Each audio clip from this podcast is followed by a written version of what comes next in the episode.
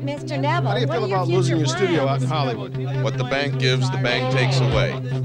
Mr. Neville, ever work in Hollywood? Do you think you'll ever get to make is it true that you tore down the sets and rebuilt them three times? I don't know what I like until I see it. Then I know I don't like it. Hej och välkomna till Salong 3. Denna filmpodd där vi är eh, mitt uppe i en säsong som eh, handlar om den amerikanska independent-filmaren, eh, regissören, producenten, manusförfattaren med mera, Larry Cohen. Eh, jag heter Martin Degrell och vi har nu kommit till 1984 års thriller, metatriller skulle man kunna säga. Eh, special Effects. Och eh, jag har det stora nöjet att få diskutera den här filmen med Per Perstrand från Intresseklubben Antecknar. Med mera. Per, välkommen till podden. Tack Martin, kul att vara med. Vad har du för, eh, har du någon så här history med eh, Larry Cohen? Vad har du sett? Vad har du inte sett? Ja, men, han var ju ruggigt... eh, han gjorde ju mycket film alltså. Men jag, ett 50-tal ungefär. Men jag, jag insåg att jag har nog sett lite av de här nyckelrullar. Jag har sett The Stuff till exempel. Jag har sett Maniac Cop. Framförallt har jag ju sett Q the Winged Serpent med Michael Moriarty, som ju är en underbar film. Och så har jag sett typ Black Caesar och It's Alive kanske jag nämnde. Sen, jag hade ju jag läst på lite om honom, jag hade inte superbra på koll på honom, men att han, att han för jag förknippar ju honom med 70-80-tal framförallt, men att sen han också var verksam som manusförfattare ganska långt upp i åldrarna. Ja, han hade ju en jättelång karriär. Ja, men han hade ju det. Upp, upp till liksom phone booth och lite eh, så att 2020 eller 20, 10-tals thrillers, vilket var kul. Så att han har aldrig varit en sån här husgud för mig, men hans filmer är ju, de ligger ju precis, flera av de här har jag ju sett på Blu-ray, både The Stuff och Maniac Cop tror jag har på Arrow återutgåvor. För han är, han är ju den här mustiga zonen som schlockfilmsdiggare gärna vill att man gräver upp och ger ut så här 4K återutgåvor av. Jo, men precis. Han är, han är ju eh, ibland i väldigt tydligt B-filmsfacket. Eh, och ibland bara något så här svårbestämbart eh, indie-fack. ju- Just i och med att han liksom har den här bakgrunden som otroligt flitig manusförfattare i, i många, många år innan han får chansen att regissera själv. Och sen så tog han ju liksom bara över så här producentrollen av bara farten. Så att han till slut blev han ju verkligen sån självspelande piano höll på att säga, men en sån här som bara körde enmansorkester liksom. Så, så många av hans filmer är ju, de är ju precis sådana här som, som tilltalar en viss typ av eh, fans, som man ska säga. Och, eh, men, men samtidigt så ganska ofta hamna i diskussion, filmdiskussioner och sådär, så brukar han ofta hamna lite granna utanför de mest så här hardcore eh, filmnörds eh, idolerna. Eh, men samtidigt så an, har han liksom ett bättre anseende än så här, total BC-kategori eh, eh, filmare. Så, så upplever jag honom i alla fall. Jo, men precis. Han, han, han, det här kommer vi återkomma till, men det finns ju väldigt mycket Brian De Palma i den här filmen. Men han har inte alls, som du är inne på, han har inte den statusen som De Palma har fått lite på senare år. Särskilt bland en massa nördar som gillar voyeurism och Hitchcock-lån. Liksom. Utan han ligger ett steg ner. För han, han betraktas väl ändå som någon slags autör, men kanske ändå begränsad av budget och jobba snabbt och skyfflade ut ganska mycket film. För han, är, han känns också som han kommer från den här Corman-traditionen, att man producerar ganska mycket. Ja, och, och med också den här Corman-traditionen av att liksom man kokar ner någon form av premiss till en enmeningsplott eller sådär. Ett synopsis som är kanske utgår från så här, vad är det värsta som kan hända? Eller vad gör vi, vad, kan, vad händer då till exempel med Q, liksom om vi, vi, vi gör eh, eh, King Kong fast med en skräcködla, liksom, eller? Ja men verkligen, som, både om man bara tar Phone Booth eller It's Alive, det är verkligen high concept-filmer med en stark grundidé. Och It's Alive blev ju en hit också eh, med, och fick två uppföljare. Maniac Cop har ju också fått ett par sequels. Precis, de skrev han ju bara va? Eller han skrev eh, Maniac Cop bara. Och ehm, det var William Lustig. som regisserade i alla fall den första Maniac Just det. Eh, Och det är väl en, apropå att du nämnde, om man ska ta en, en, en stege kanske William Lustig och sen ett snäpp upp är Larry Cohen och sen kommer då Brian De Palma i den Just här det. Ja, men det är en ganska bra. tågordningen kanske. Precis. Eh, Då vet vi var vi har honom och var vi har dig i relation till honom. Precis. Jag tänkte fråga dig så här, jaha, varför valde du mig för just den här filmen? Så är det för att du vet att jag gillar Brian De Palma, att jag gillar sleaze och pervers? Sen kom, jag på, sen kom jag på att det var jag som valde. Ja, precis. Jag gav, jag gav det några alternativ, men så tänkte jag så här, men det, det här är, eh, är nog ganska passande. Jag hade inte, det var, jag har sett den här filmen en gång tidigare. Du hade inte sett den innan, va? Nej, Nej. inte alls. Eh, jag har sett den en gång tidigare, men det var ganska länge sedan. Alltså vi snackar 15-20 år sedan. Så jag har ganska vaga minnen av den. Och eh, jag, jag blev, jag blev, eh, jag vet inte, det, jag, antagligen har jag, jag har väl kanske, jag har väl utvecklat mina smaker och preferenser kanske. Och, ja, men vet, man har olika erfarenheter och sådär.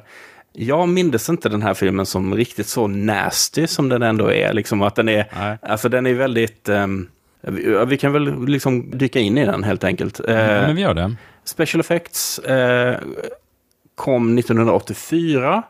Ingen svensk premiär vad jag kan se på svensk filmdatabas som jag alltid brukar kolla. Men det är ju inte jätteförvånande för vad jag har läst mig till så verkar den knappt ha fått ens eh, biodistribution i USA, vilket kändes jättemärkligt med tanke på att det ändå, ja men Larry Cohen är ändå ett etablerat namn vid det här laget. Han har med ganska intressanta eh, liksom, personer ur så New Yorks eh, subkulturella, liksom, eller så här underground-scen. Alltså Zoe Lund och eh, Eric Bogosian som ju var heta då, liksom verkligen så här del av den här eh, downtown-scenen i New York. Liksom. men precis. Och sen då att den är ju väldigt mycket, vad ska vi säga, Hitchcock via De Palma. I, i sin så här voyeurism, eh, meta, syn på, på film och berättande och, och sådana här saker. Nej, men den, någon, den har ju kallats A Sleazy Vertigo och det var ju ganska välfunnet för det är ju det är ganska mycket lån från Vertigo. Vertigo i sig är ganska sleazy på ett sätt, eller Scottis besatthet av, av eh, Kinoa är, är ju rätt sleazy, men här tar den sig längre. Nej, men som du säger, det är mycket De Palma, eftersom han ju också tycker det är kul att eh, liksom skildra filminspelningar och Mm. den här kom ju samma år som Body Double, eh, det- 84, så det var ju ett starkt år för den här typen av Ja, just det. Jag tänkte, jag, tänkte, jag glömde kolla upp det, men det är ju intressant att de kommer samtidigt. För att annars hade jag, annars hade jag trott liksom att, ja men det är klart att Larry Cohen har liksom snott grejer från De Palma, för det känns som att stölderna går åt det, åt det hållet. Liksom. Jo, ja, men precis. Men det roliga är att då, Body Double är då Los Angeles och det här är New York, så varje kust fick varsin sån här eh, sleazy rulle. Vi kan ju säga lite kort om, om själva handlingen, som ju är, det får man ju ge Larry Cohen ganska ofta, att hans filmer har inte särskilt förutsägbar handling. Nej. här har vi liksom en ganska chockerande twist efter, vad blir det, 20 minuter eller något sånt där. Det vill säga att vi, vi, vi får ju då följa en liksom eh, så här wannabe modell, skådespelerska eh, i New York som man förstår har hamnat där efter ett, så här, en trasslig relation med sin make i väl typ Oklahoma eller Texas eller något sånt där och som kommit till New York för att söka lyckan. Och så blir det massa trubbel och hon söker sig i någon sorts desperation och slump egentligen till vår andra huvudperson då som är då eh, Eric Bogosians eh, eh, supersleazy eh, eh, Hollywood-regissör som har liksom man förstår att han har misslyckats med något projekt i Los Angeles, kommer tillbaka till New York med svansen mellan benen och inte vet riktigt vad han ska göra. Och ehm, eh, då får han den här eh, olyckliga aktrisen i, i knät mer eller mindre. Och vad händer då? Jo, han eh, mördar henne. Han, eh, eh, där är twisten liksom, den första twisten kan man säga. Ja, hans, hans plan är väl egentligen att göra en, eh, en porrfilm med henne, för han filmar ju henne i smyg genom en glasruta när de har sex. Ja, just det. Något han verkar ha gjort med många andra tidigare. Ja, precis. Han har jävligt raffinerat setup i sin uh, dungeon med kameror och... Alltså, det kan vi återkomma till, men bara liksom setdesignen på den här filmen gör att den är värd att se. Den är otroligt. Det är, ju, det är mer, jag kommer att tänka på Scarface, hans mansion där på slutet. Det här är mer lågbudget och kanske något mer realistiskt, men det är fortfarande de här gräsliga färgerna och det här 80-tals... Ja, det är fantastiskt. Eh, hela hans hus skulle man ju bara vilja Mm. mörda för. Liksom. Det är själva upptakten till filmen kan man säga. Och sen så, sen så blir det liksom en alltför komplicerad intrig för att egentligen redogöra här. Men det blir, han, han väljer att eh, eh, mer eller mindre slå mynt av den här tragedin genom att göra en film om mordet. Samtidigt som han naturligtvis eh, döljer sin egen medverkan i det och sådär. Och, så, och drar in då den här eh, eh, aktrisens ex. Som Precis. får spela sig själv till slut i den här filmen om mordet. Och han hittar då i klassisk så här vertigo-style då, hittar han en kopia på eh, i princip den här aktrisen. Som då också spelas av Zoe Lund då. Som ju folk kanske eh, mest känner igen från eh, Miss 45. Eh, Abel Ferraras eh, Rape Revenge-rulle. Som kom ett par år tidigare. Där, in a nutshell, med, där har vi filmen liksom. Eh, och det blir ju, jag menar, temat här, om vi, om vi ska försöka utröna det på något sätt, så är det ju liksom, det jag tycker att filmen, där filmen blir lite problematisk, eller inte riktigt hänger ihop i, kon- alltså konsekvent eller sådär, det är att temat är ju väldigt mycket liksom mäns kontroll eller kontrollbehov av kvinnor. Alltså att kontrollera kvinnor. Använda kvinnor som instrument för sina fantasier och så vidare. Men vad, vad filmen då inte riktigt lyckas med är ju att i detta, som är ett, helt klart ett, ett ämne väl värt att, att utforska, så ges ju faktiskt inte någon av kvinnorna särskilt mycket agens i sig själva. Liksom. Vad, säger du, vad säger du om det? Nej, men jag fnissar lite för jag, jag läste någon har skrivit en studie om det här. Eh, det var typ, eh, det står så här att ja, men den, it subverts the male gaze eller något sånt där. Men då, då fnissade jag och tänkte så här, ja, visserligen, men samtidigt är det ju, det är gott om nakenscener med Zoe Land och den börjar ju med en lång liksom, topless-scen eller en striptease-scen när hon dansar i en, en studio som är gjord för att se ut som ovala rummet. Ja, det, det är mycket huset. speciell eh, öppning. Alltså får man ju säga att det är ju ögonfallande. Man undrar ju så här, var är vi någonstans liksom? Ja. ja, verkligen. Vad fan är de i presidentens rum? Förstår du? Massa kåta snubbar och klickar med sådana här gamla kameror. Ja, alla har egna kameror. Det är en peepshow fast de alla har egna kameror som de har fått hyra eller låna på något sätt av de som är mycket märkligt sätt. Ja, det är väldigt märkligt. Nej, men Solan, hon använder verkligen raskan i elden, för hon flyr från man och barn i Texas då och eh, hamnar väl i, i det här som ju var ett signum för liksom den gryende, nu hade väl porrbranschen kommit ganska långt 84, men just det att eh, det, det, förment var det att man utmanade prydhet, man skulle ha sexuell frigörelse, men sen givetvis handlar det också om att exploatera kvinnor då, också väldigt mycket. Så att hon hamnar ju, hon, från en ganska, han är ju en ganska hemsk människa egentligen, hennes pojkvän. Han, han är ju väldigt hård mot henne och vill att hon ska hem och vara ja, han är ju, ingen, mamma han är ju ingen good guy alls. Nej, verkligen inte. Och man kan ju tänka sig att om hon hade följt med honom hem så skulle han sitta i, i fåtöljen och dricka bärs medan hon får ta hand om barnet. Och så att han skulle ha den friheten. Han klarar inte av att ta hand om den där. Han säger om sin son så här, han är 31 månader gammal. Jag tänkte så här, men va- varför räknar man i, i månaden? Då är, det är ju så här två och ett halvt år. det kanske är en USA-grej, jag vet inte. Jättekonstigt. Och, och, och, och eh, lika konstigt ungefär som att han vid ett tillfälle, för att locka hem henne till Texas då, så, Mm. så visar han så här eh, home video-film, så här 8 mm rullar så med hemmet och deras barn. Så man också undrar så här, vem tar hand om barnet nu när han, Det sägs när han är i New York? Ungen sitter ensam så här flera dagar eller flera veckor. Precis. Nej men, och, och det är ju, nej men du har ju helt rätt. Och sen, ett annat jättestarkt tema, det är det här med filmens suggestionskraft.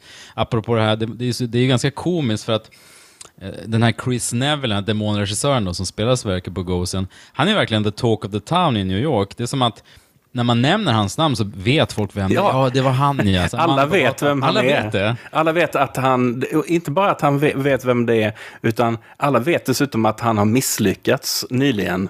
Till och med tax, taxichaffisar, poliser, alla vet. Liksom. Alla vet det, vilket är väldigt underhållande. Looking to find out what Chris Neville was. Chris Neville? Movie maker? Yeah. Let me see if I can help you. Sam. Sam. What do you want? See if any of the drivers picked up the Neville guy. The Neville guy? Where the hell's the Neville guy? The whacked out filmmaker Neville. He's in Soho.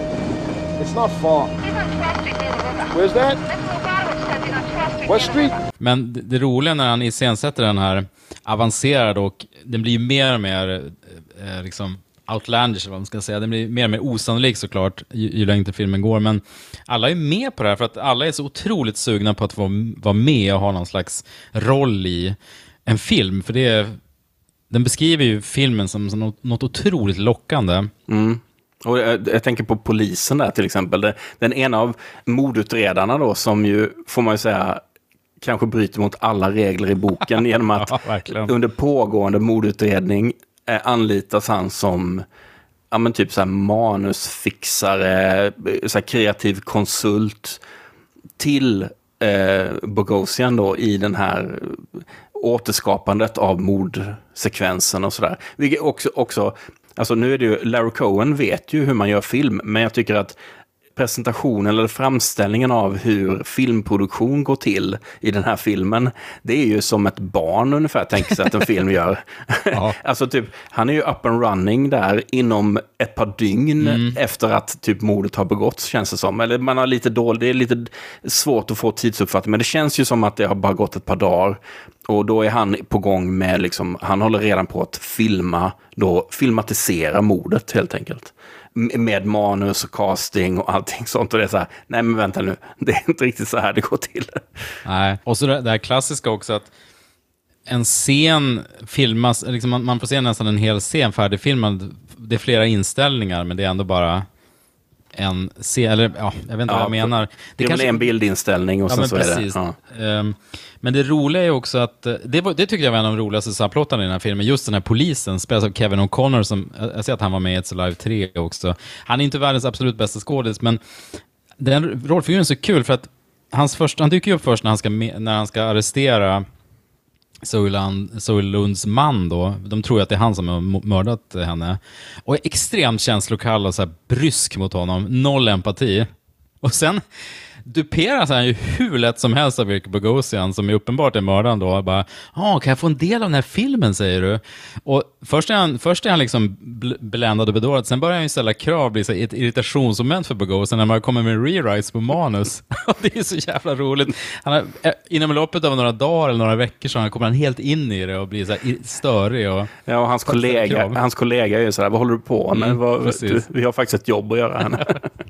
Nej, men alltså, det får man ändå säga, Larry Cohen är ju ganska, han har ju, en del, han har ju ändå en, vad ska vi säga, en komisk instinkt som, eh, som ibland kan bli lite så här jarring liksom eh, eh stämningsmässigt. Men det, det, det finns alltid element i hans filmer som är ganska, ganska skoj. Alltså, det finns eh, humorelement. jo, men precis. han drar det ganska långt. Han har, det är väldigt cyniskt och väldigt svartsynt alltihopa också. Sen har vi ju då eh, eh, Zoe Lund som... Först så tänkte jag så här, gud vad, vad konstigt att de så här, de har ju uppenbart dubbat hela hennes dialog. Tills jag inser då att nej, det är faktiskt lite smart sådär för att hon spelar ju två, två roller. Men det är den första då, alltså den hon spelar den här Andrea, som även kallar sig för Mary Jean, i en väldigt så här Marilyn Monroe Just det. Mm. Att det är den rollen som är dubbad eh, av en annan skådis. För att sen då när hon dyker upp som sin andra roll, den som då ska då iscensätta den här Andrea. När hon spelar den här Elaine. Ja, det skulle, hon heter ju Elaine Bernstein, så otroligt mycket New York över det namnet. Precis. Eh, och då är det ju hennes riktiga röst. Och den är då inte dubbad. Eh, och då, är, då får man fram mer av hennes så här New Ja. York-dialekt och sådär. Ja, men jag tänkte också på det. Jag, jag fattar inte riktigt. Jag tror att det kanske var dålig eftersynk, men sen läste jag på att det var dubbat. För det, det märks ju de scenerna och gör att de blir lite stela, men det kan ju vara meningen också kanske. Och sen har vi eh, all, någonting som alltid är väldigt, väldigt kul tycker jag i, i sådana här filmer som utspelar sig i New York då, på den tiden då New York var så här totalt apokalyptisk, eh, eh, ned, halvt nedbränd och så vidare. Eh, det är att titta på liksom, ja, men de härliga miljöerna. Det, det är alltid mustigt och härligt när det är så här autentiska eh, miljöer. Och eh, här är ju eh, kanske den minst smickrande tiden i New York, en väldigt så här slaskig vintertid. Liksom. Men eh, vad jag tänkte komma till var att eh, man märker då att det, det är den här tiden då New York inte var så högt eh, prissatt. Liksom. Att eh, den här Andrea har ju då ändå så här, en lägenhet på Bleecker Street, liksom mitt i the village. Så. Inga konstigheter. Nej. Och sen då naturligtvis eh, Bogosian har ju sitt eh, megastora, eh, vad ska man ens kalla det? Det måste vara någon sorts före detta fabrikslokal eh, lokal som det alltid var i Soho. Liksom, att eh, de här eh, övergivna fabrikslokalerna, loften som blev, liksom, togs över och gjordes liksom, om till bostäder och så vidare. Men det är verkligen ett otroligt häftigt hus. Superöverdimensionerat, eh, otroligt häftigt. Eh, det finns en sån här en sån stor, eh, vad heter det på ren svenska, skylight. Alltså någon sån här eh, ljus, enormt dramatiskt ljusinsläpp med massa växter och, och grejer. Och, och mycket vatten också, så här små, eh, någon liten pool och någon, ytterligare någon jacuzzi och sådär. Så att, eh, Pool som är så inbyggd bara rätt ner i parketten, eller rätt ner i, i, i golvet jag gillar så här pooler som är, eller så här jacuzzis som är typ det är så här heltäckningsmatta ända fram till Ja. kanten. Precis. Man tänker på hur fuktigt det skulle vara där och ingrott efter ett tag. Nej, men verkligen, det, det är verkligen en otroligt eh, härlig New York-skildring. Och som du säger, det var på den tiden New York var farligt. Och eh, den New York som vi ser i typ The Warriors och ganska hårdkokta rullar där det, det, var, inte- det var inte den här New York-porren som det var i Woody Allen-filmerna, utan det här var verkligen det var ett rufft ställe att vara på. Och det är ju, det är, ju- det är ju några ganska vackra scenerier när de är ute på Coney Island, när hon lämnas där i, i bilen, men det är också ganska otäcka scener och det är väldigt kargt och ogästvänligt. Och, man får ju också den här känslan av att du vet, polisen, i den mån de överhuvudtaget orkar göra någonting, så är det liksom, de är korrupta och som du sa innan, så här helt empatilösa. Och, absolut. De, de bara vill ha ett open and shut case som de snabbt kan gå vidare med. naturligtvis så haffar de ju då eh, mannen, maken, Keith, eh, som ju då stavas K-E-E-F-E. ja, spännande Lite namn. eh, annorlunda. Men redan då har ju då Bogosians karaktär blivit någon sorts så här evil mastermind. Så han anlitar ju så här New Yorks dyraste advokat för att så här ta ut honom från häktet och är med där i häktet och, och liksom är den så här eh, glidaren kommer in där och säger ja, jag ska, jag ska mm, göra film om det här typ. Och eh, även om det här är ett så här, crime of passion, mordet då, så är det ju så att han ganska omgående tycks ju forma en ganska tydlig plan om vad han ska göra, liksom, och hur han ska... På, han verkar ju också få någon sorts eh, kreativ eh, inspiration av hela det här. För han, innan tittar han ju, han, man ser att han, han, eh, han är så här besatt av eh, så film och verklighet och eh, de här metanivåerna och när, när blir verkligheten till fiktion och sådana här saker. Och, för Ja, han, han, han sitter och glor på de här eh, eh, sekvenserna när Jack Ruby skjuter ihjäl eh, Lee Harvey Oswald. Oswald. Mm. Och sådär. Och, och liksom han, den här, hur konstruerade bilder, verkliga bilder, hur det påverkar oss. Eh, men samtidigt tycks han ju också vara, vara ganska så här, förlorad i den här filmvärlden, liksom, eller den gränsen mellan dikt och, och verklighet. Nej men precis, och, och före det, egentligen före den här ovala rummet-scenen, så under förtexten är det ju en, hör man en, rösterna i en intervju med den här regissören. Då någon frågar så, vad, är, vad är din favoritfilm? Eller vad är din favoritregissör? Ja, det är Abraham Zapruder som tog den här Zapruder-filmen då. Hur stavas det? JFK, säger han bara. Man, man, han etablerar sig som så retorisk, någon slags nästan rebellisk Oliver Stone-typ. Och sen mycket riktigt som du sa, när han har Solan på sin första dejt och så sitter han ju om och om igen, ser det här mordet, frågar henne så här, vad får det här dig att känna? Så här, är det äkta? Vad är det som gör det här äkta? Hon är så här, I don't know. Får inga riktiga svar där. Men, det, men så att han känns ju som någon slags så här, han, han har genomskådat någonting, han, han har något på spåren. Men sen som du säger, sen flippar han ju ganska snabbt över och blir bara sociopat. och eh, kanske inte söker någon lösning på det här, eh, vad som är äkta, och vad som är fejk, utan, utan bara, eh, vad ska man säga, han, han, han eh, njuter av det, han, han gräver ner sig i det och skapar den här snaff-filmen. Och eh, verkar han är aldrig någonsin, han är så jävla hal Bogos. Han, han glider runt och är helt överlägsen i sin trenchcoat hela tiden och bara manipulerar alla. Så att han, han är en slags total övermänniska och verkar njuta av att bara vara den här puppet master med alla schackbitar. Ja, och sen så verkar han ju också, eh, typ när han väl då har mördat en gång så verkar han ju vara så här, ja men nu, nu är det bara att köra på liksom. Precis.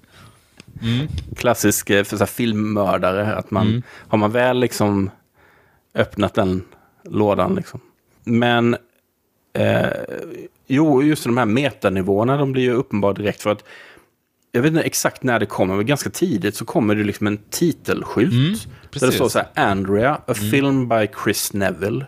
Så då är det plötsligt så här, okej, ser vi den filmen nu liksom? Alltså det är nästan antyds då att nu, nu börjar en, en ny film. Cohen, han, han liksom förvirrar oss lite grann, eller förvillar lite grann med, genom att det är lite så här smoke and mirrors, för man, det är väl aldrig riktigt så där, tanken är väl aldrig riktigt att vi inte ska... Jag går inte omkring och tänker, oh, händer det här på riktigt, eller är det här en film? Så, här, så det, just den nivån känns ganska solid. Men för de här, för personerna i filmen, alltså framförallt då för Bogosians karaktär, så känns det som att han vill ju, han uppmuntrar ju nästan till den här uppluckringen eller upplösningen mellan de här lagarna. Precis. Nej, men jag, jag känner nog inte heller det att oj, vad är det här jag ser? Men däremot, det var någon, det var en scen, jag tror det är när han står och spelar in, han gör en slags reenactment av mordet på henne och får då eh, Mary Jeans man att nästan strypa henne inför kamerorna. Sen kommer en scen, jag tror det är i filmen, så kommer en scen efter det, en lång dialogscen och då tänkte jag så här, det är något med den här scenen, det var, det var mycket kameraåkning, det känns som att det var lite annat bildberättelse. Jag trodde nog att det skulle vara så här, cut skulle han säga efter en stund, men då var det en scen i filmen. och jag vet ju absolut inte om det var medvetet eller inte, utan det kanske bara var jag som blev lite förvirrad. Nej men det, det, det blir ju sådär när man, de visar ju filminspelningen, så filmen i filmen och det är hela tiden så här, jaha, där är ett filmteam och sen så ibland hoppar han själv in och filmar och när, särskilt när han håller på att klippa den här sekvensen sen så har han ju då det här negativet då som är som eh, han framkallade på själva mordet. Det här är ju en sån plot point som hade helt gått förlorad om man hade gjort den här filmen idag. För att dels så är det ju så att de här eh, hemliga kamerorna, eller de här kamerorna som han har utplacerade i sitt, så här, sin fuckpad, liksom, de låter ju, för det är filmkameror. så, där, brrrr, så alla säger så här, vad, vad, är det, vad är det som låter? Ja, det är bara AC'n. Så, eh, så det hade ju inte, idag hade ju inte det varit ett problem. Och dessutom så eh, har han ju då det här dilemmat att så här, okej, jag måste ju framkalla den här filmen också. Och då måste ju någon annan se den. Typ en labbtekniker. Hur löste jag det då? Och så, så tror han ju att han har löst det. För att han, han, han säger liksom till den här labbtekniken så här. Obs, äh, alltså du behöver inte alls, du behöver inte titta på det eller så. Du kan bara framkalla det eh, så här. Varpå naturligtvis den här teknikern gör det. Och försöker väl pressa honom på lite pengar eller någonting. Men det hinner inte gå så långt för att då har ju vid det laget har ju Bogosian fått liksom smak på blod. Ja, verkligen. Så då eh, stryker ju den här stackars labbteknikern med genom att bli eh, strypt med en filmremsa. Ja, men nu är vi verkligen i en slags nästan så Jason-territorium, eller så slasher. För att innan han gör mordet så har han funderat så här, hur ska jag göra det när det här är gjort redan?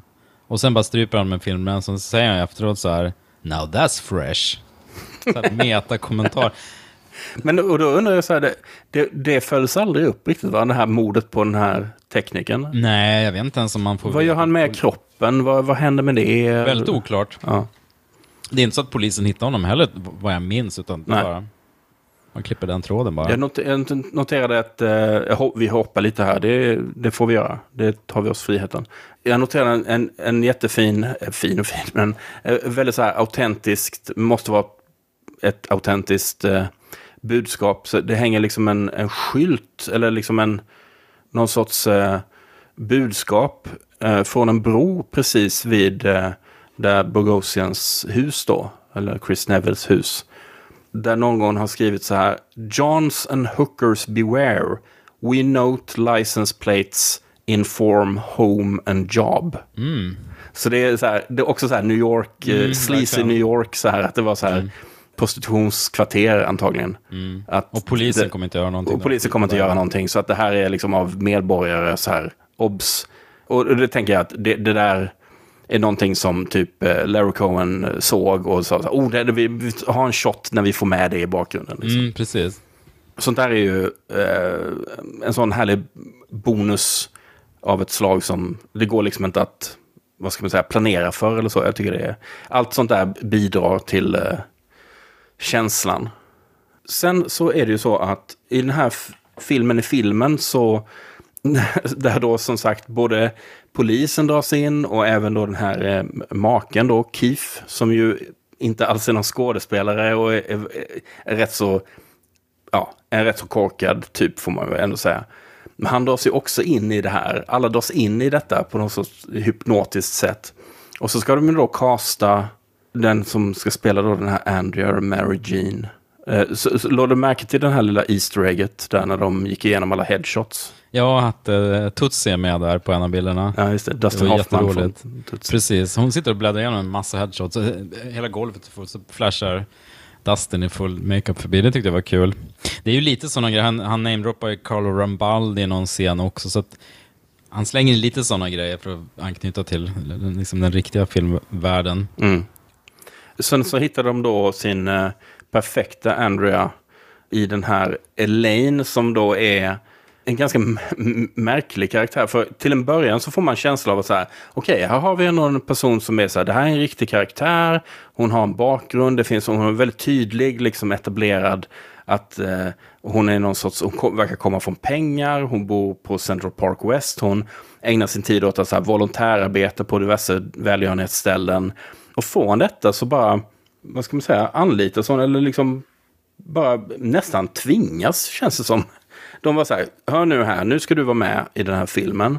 Och du ska, du ska spela den här personen, så blondera dig, så här, av med paltorna så vi ser vad du har för tuttar. Alltså hela den här grejen. Och hon bara så här, ja ja, okej. Så att du har vi liksom nästa kvinnliga karaktär som inte heller får någonting egentligen att säga till om. Och jag menar, nu ska vi inte komma ända till slutet riktigt än, men jag bara tänker på det absoluta slutet. Där vi snack, snackar om att hon har ju till gjort sin egen identitet liksom. Ja, det är ett mörkt slut verkligen. Så, men i alla fall, tillbaka till det då. Här är ju, hon spelar ju de här personerna väldigt annorlunda får man ju säga. Jag tycker hon är ganska rolig den här Elaine då. Som är väldigt så här, återigen då med hennes riktiga röst som då inte behöver dubbas längre. Precis, det gör ju rätt stor skillnad. Ja. Och eh, som sagt, hon, hon dras in i detta. Och återigen blir bara någon sorts instrument för de här männen då. Framförallt Bogosian då. Ja, det är lite konstigt att hon, man fattar liksom aldrig riktigt hennes eh, motivation. Och man fattar att kanske att hon först vill vara med i filmen för att, eh, som sagt, i, filmen, i den här filmens värld så vill alla vara med på bakom kameran, eller framför kameran snarare. Men efter ett tag är det ju, som du säger, hon blir väldigt manipulerad. Bogosian tjatar ju till sig sex med henne på, på ett ganska hemskt sätt. Och det är som att hon bara låter det hända. Lite oklart verkligen, den här figuren.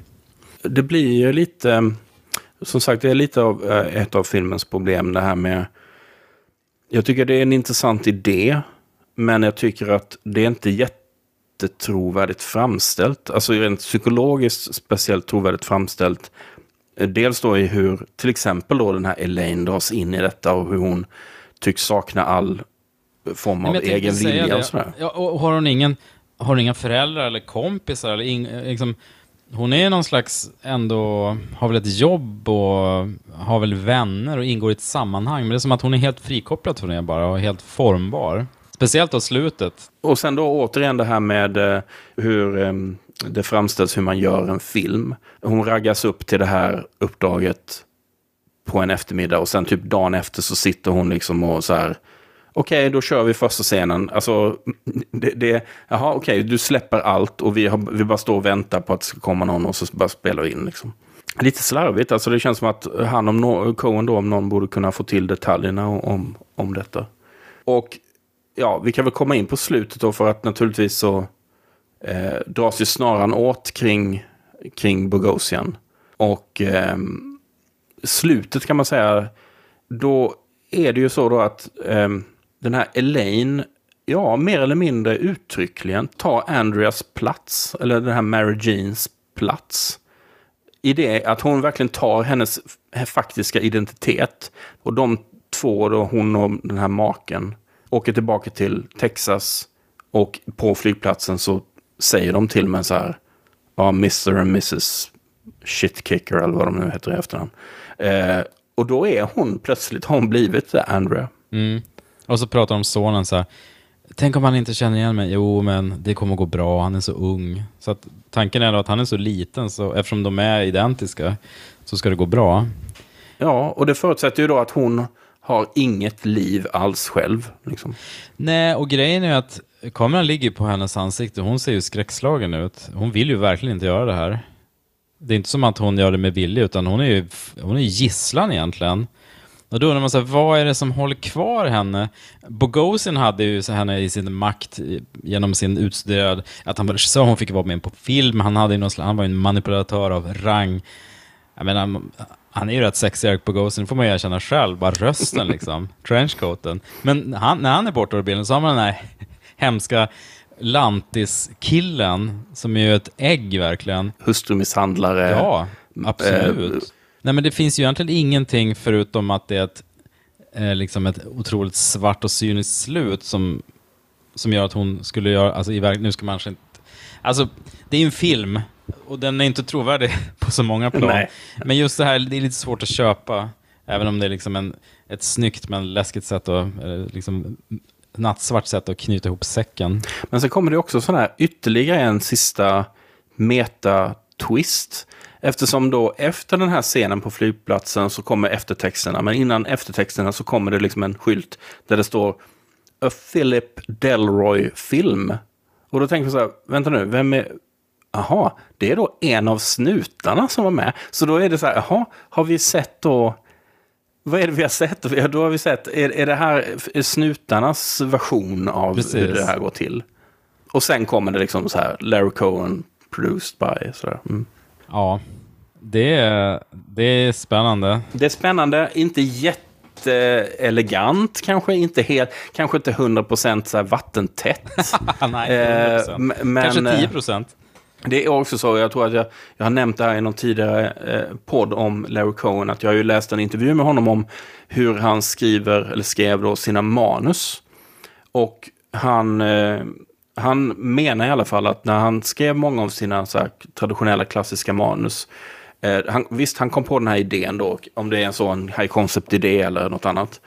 Och sen så gör han ingen outline, alltså han gör ingen struktur sådär att du vet, i minut 40 händer detta och i minut 62 händer det här och sådär. Utan han skriver och sen upptäcker han, som han själv har uttryckt det, han upptäcker själv var vi är på väg. Så.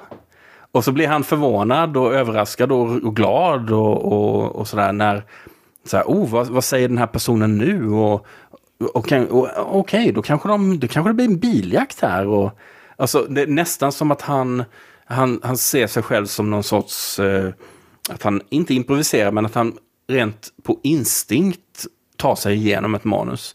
Och det är ju ett väldigt speciellt sätt att arbeta på. Och då tänker jag mig att det kan delvis förklara de här ganska tydliga skarvarna man kan se i hans filmer i bygget. Liksom. Att det, det, det, ofta finns det en, en ganska tydlig struktur och det finns liksom en sådär, den, den, det, det knyts ihop på något sätt på slutet. Bla, bla, bla.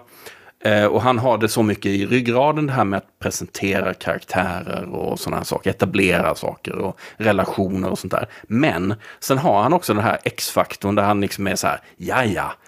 Eh, vi, det här, här kan vi liksom, vi gena lite här och sen så får vi se vad som händer där. Och, Men det kan ju absolut vara bidragande till att hans filmer blir så pass annorlunda och eh, liksom intressant att han får den här ändå viss kultstatus, men att de ändå inte går in i och blir klassiker, om man kan säga, på samma sätt som De Palmas film, för att de, de är inte vattentäta. De, gudarna ska veta att De Palmas filmer inte alltid hänger ihop, men han lyckas ju ändå paketera dem och knyta ihop dem så väldigt snyggt ändå, så att det blir en, det blir en färdig produkt, om man nu ska använda det hemska ordet. Medan det här är, det här, som du säger, det är löst i kanter, det stör i skarvarna och så vidare. För så är det ju med den här filmen, den, den känns ju, hänger inte 100% ihop och den, den är lite avig och kantig. Vilket gör att... Eh, jag tror helt enkelt att det, det är liksom, han går inte igenom sådär jättemånga olika utkast, utan Nej, det här är liksom andra eller tredje versionen av någonting och så bara kör de. Liksom. Medan då, typ De Palma, om vi jämför med honom, att där är det mer än, det här har folk jobbat på liksom under en längre tid. Men, men och det, det här Coens sätt att arbeta på, jag tycker det, det, det har sina för och nackdelar, det har en charm. Det är inte alltid det funkar, men jag gillar det ofta. Um, har vi något mer att um, notera? Har du några andra kommentarer kring um, special effects? Det, det, det sägs ju någonting om just varför heter den special effects liksom. Uh, Bogosian har ju någon utläggning där. Den kan vi klippa in här. What's this picture supposed to be about? Murder? What else? Murderer plays himself. Not your usual subject. No special effects. People assume special effects means taking models, miniatures, tricking them up, making them look real. I'm taking reality, making it look like make believe. That's a special effect too. Mitt minne av det var liksom att det handlade mer om så här special effects. Men jag kanske, jag kanske tänkte på FX istället. exakt, för den kom ju, den kom typ 85 eller 86. Vad är det? precis- Dödlig illusion? Är det heter på... Etta heter ju dö, FX Dödlig Effekt. Dö... Och tvåan heter väl... eh, nej, vänta nu. Eh, ja, FX hette den. Murder by Illusion hette den första. Men vad heter den på svenska? FX Dödlig Effekt. Okej. Och två, och heter tvåan då någonting på svenska också? Tvåan heter ju... eh, nej, vänta. Den heter, verkar bara heta FX2 på svenska. Mhm. Nu måste jag kolla Svensk Filmdatabas så jag säger rätt.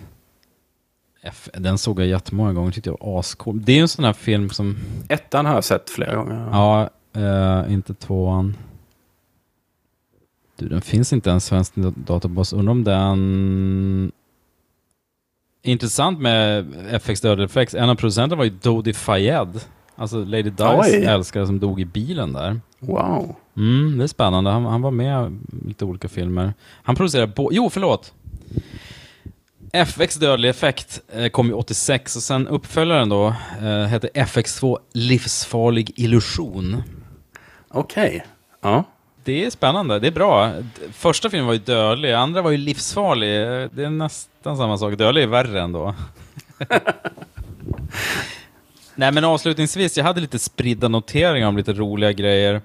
Eh, dels funderar jag på om det är lite klaffel i, i, i första scenen när den här hemska pojkmannen jagar upp eh, henne i lägenheten och sen är de i lägenheten i fem minuter, sen, sen rymmer hon. Då är det ju snö på gatan utanför, som det känns som att de kanske tog dem senare en annan dag. Men jag gick fa- faktiskt inte tillbaka och kollade hur det var. Det kan ju ha snöat medan de var där uppe.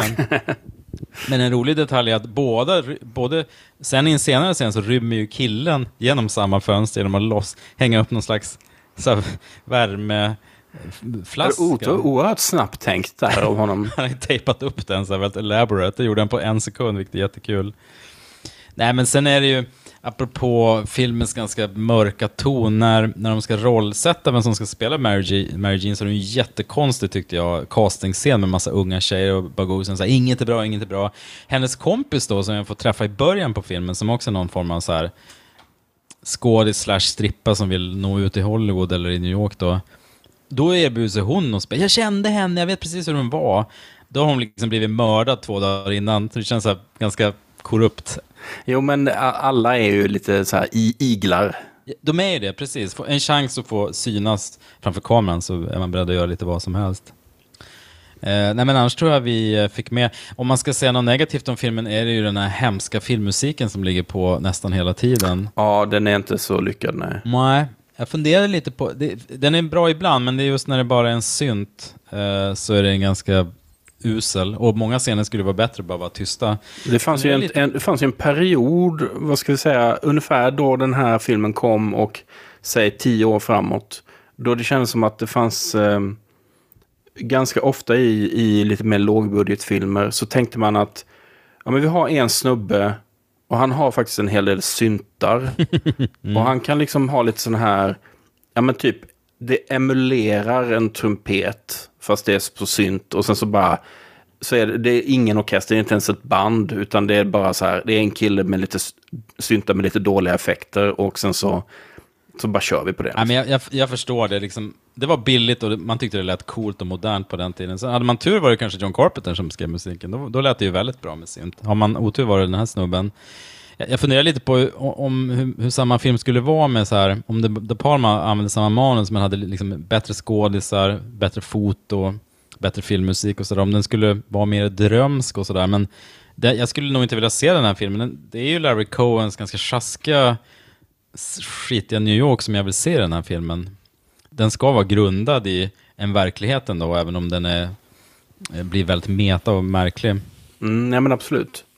En, en grej jag kan nämna det är ju att Bogosian, han är ju filmen igenom, han är, han är ganska iskall, han, han, han är en betraktare liksom. Han brusar inte upp förutom vissa scener när han mördar dem, men han, han har ju liksom en sociopats lugn hela tiden. Och han, han går mest runt och är självgod. Men sen finns det en jättekonstig restaurangscen när han gör en lång improvisation så här, I am Mario, I'm the chef of this house. Ja. Så, då hon sitter och fnissar lite och folk på restaurang håller på skitlänge, så här, en minut. Och de, han får en applåd på slutet sen. Så här. Var kom den scenen ifrån? Man kanske vill att... Det där är helt klart improviserat och Ja. möjligen till och med kanske så inspirerat av någonting som han gjorde på scen. Alltså han, han var ju lite så här, eh, inte riktigt ståuppare men lite så här one man show, Mm, eh, monolog, monolog, monologsnubbe Mm. liksom. Eh, med olika iakttagelser och betraktelser från liksom Eh, eh, New Yorks eh, underground och sådär. Och det, det känns som att det var, jag håller med, den, den sticker ut totalt och den kanske har mer att göra med Bogosian själv. Liksom. Precis, men samtidigt, jag skulle inte vara utan den, för att samtidigt, filmens styrka som du kanske redan har sagt, det är ju också att han har hittat de här typerna. För han, han har ju sagt i någon intervju, Larry Cohen, att när han plockar in eh, Zoe Land, hon heter ju Zoe Tamerley, så hon har ju kallats olika namn, och Bogosian, de var ganska okända. Bogosian var väl lite up and coming, men det här var ju hans andra filmroll bara. Han slog in med Talk Radio, Oliver Stone-filmen, två eller tre år senare. Så det var ju då han breakade stort. Han var väl ett stort namn på, liksom Zoe Land var liksom i konstnärs konstnärskretsar i New Ja, York. men oerhört kreddiga namn på den Oerhört tiden. kreddiga Mm, namn, mm. precis. Så att de två gör ju att eh, filmen känns li lite farlig, lite spännande. Det är, det är ju intressanta gestaltningar de gör, båda de här två. Eh, eh, vi ska avrunda här, men först måste jag ju fråga dig, vem hejar du på i filmen? Du frågade ju mig innan jag såg den och tänkte så här, ja, jag ska fundera vem jag hejar på, men det är otroligt svårt att heja på någon i den här filmen. Alltså, Eh, eh, hennes kille vill ju på något vis rädda henne, eh, men det enda han vill är ju bara ha en kvinna att dominera hemma och slippa ta hand om sitt barn. Så det är svårt att heja på honom. Han är ju rätt hemsk. Ehm, alltså, Andrea Wilcox framstår ju som ganska spånig och naiv såklart. Det är ju, det är ju rätt synd om hon, henne. Man, man, jag klandrar henne inte för att hon lämnade sin hemska man och barnet, utan hon, hon vill ju ändå på något vis leva sitt liv, men sen är hon ju inte tillräckligt slipad för att inse att hon bara kommer att sluta, eh, kanske som porrskådis eller något ännu värre. Så att, och sen dör ju hon ganska tidigt, så hon är ju i mångt och mycket ett offer. Så jag hejade på henne tills hon dog då. Bogosian är ju, han är psykopat, så det, det är lite svårt att heja på honom. Det kan ju vara, det kan ju vara mysigt liksom med en, härlig filmpsykopat som går runt och mördar folk, men, men eh, sättet som han liksom sex, först tjatar till sig sex och sen sexualmördar de, de här kvinnorna, är ju inte så, det är inte så härligt. Eh, polisen är ju en av de roligaste figurerna, Delroy. Han är, så, han är, han är ju sleazy också. Och självgod. Och ganska usel polis dessutom. Det är kul för att när, han, när de gör stakeout på slutet på Bogosians hus, då orkar inte han göra det. Då får hans assistent göra det. Och hans sätt att att- att skugga, bara stå på gatan utanför och stirra på dörren. Rakt utanför, mitt utanför. Rakt utanför. Han orkar inte sitta i en bil, han står med händerna i fickan bara så och stirrar så här, ska det hända något snart? Världens sämsta polis. Så att, nej, jag hade, jag, jag hade väldigt svårt att heja på någon i den här filmen faktiskt. Får jag svara det? Hejade du på någon? Ja, men alltså, jag får ändå heja på Elaine då. Ja, det är klart. Elaine Bernstein hejar man ju på ändå. Hon, hon som du säger, hon, hon gör ju en märklig resa i den här filmen. Men hon är ju... Och man hoppas ju på något sätt att hon ska liksom, du vet, komma, komma ifrån det där. Alltså så här, inse att så här, det här var ett misstag. Eh, eller så. Eh, annan, eh, annan kandidat jag hade var den här eh, taxichauffören som i, i, eh, som i en handvändning är så här, jaha, ska du hem till eh, Chris Neville? Ja, men jag letar upp var han bor någonstans. Så kan jag liksom köra det. Jag letar upp vad hans adress Ja, är och det- allting sådär. Det är härligt. Det, och, och sen så en, en tredje kandidat, inte, vi- visserligen inte, inte mm, en person, men eh, då Bogosians hus. Ja, det hejar man ju på. men, det, men det är illa när man, man, när man inser att man är, kommer ner på så här döda ting som man får heja på eftersom det är så många osympatiska människor i filmen. Man kan ju heja på den här sonen som är hemma i Texas, men han är en så otroligt perifer figur. Så att, Ja, eh, precis. Han har väl inte, inte ens ett namn tror jag. Nej, our kid, så här. our son. Nej, han är säkert bara någon brat. Han kommer växa upp och bli lika hemsk som min farsa. Detta var Special Effects. Per, tack så hemskt mycket för att du ville vara med och snacka om denna rulle. Tack själv Martin, det var jättekul att prata om den. Eh, Intressenklubben antecknar. ehm, vi har haft med och kommer att ha med eh, Jesper Viking på ett och annat håll här eh, i de kommande eller tidigare, beroende på när man lyssnar på det här avsnitten. En utmärkt eh, filmpodd som går att följa på de vanliga ställena där man hittar poddar, men så finns ni också på Patreon, inte sant? Jajamän. Där kan man lägga en liten slant och få exklusiva poddar som vi bara släpper till eh, betalande Patreon-medlemmar. Och det kan vara allt ifrån ett fokus på något år, eller bästa biljakten, eller bästa filmmusiken. Vi har släppt nästan kring 25 sådana tror jag. Och så fort man blir eh, medlem då, så kan man lyssna på alla dem. Eh, så det är väldigt förmånligt, må jag säga. Mm. Rekommenderas varmt. Men vi säger tack så mycket för idag och på återseende. Hej då! Hej då!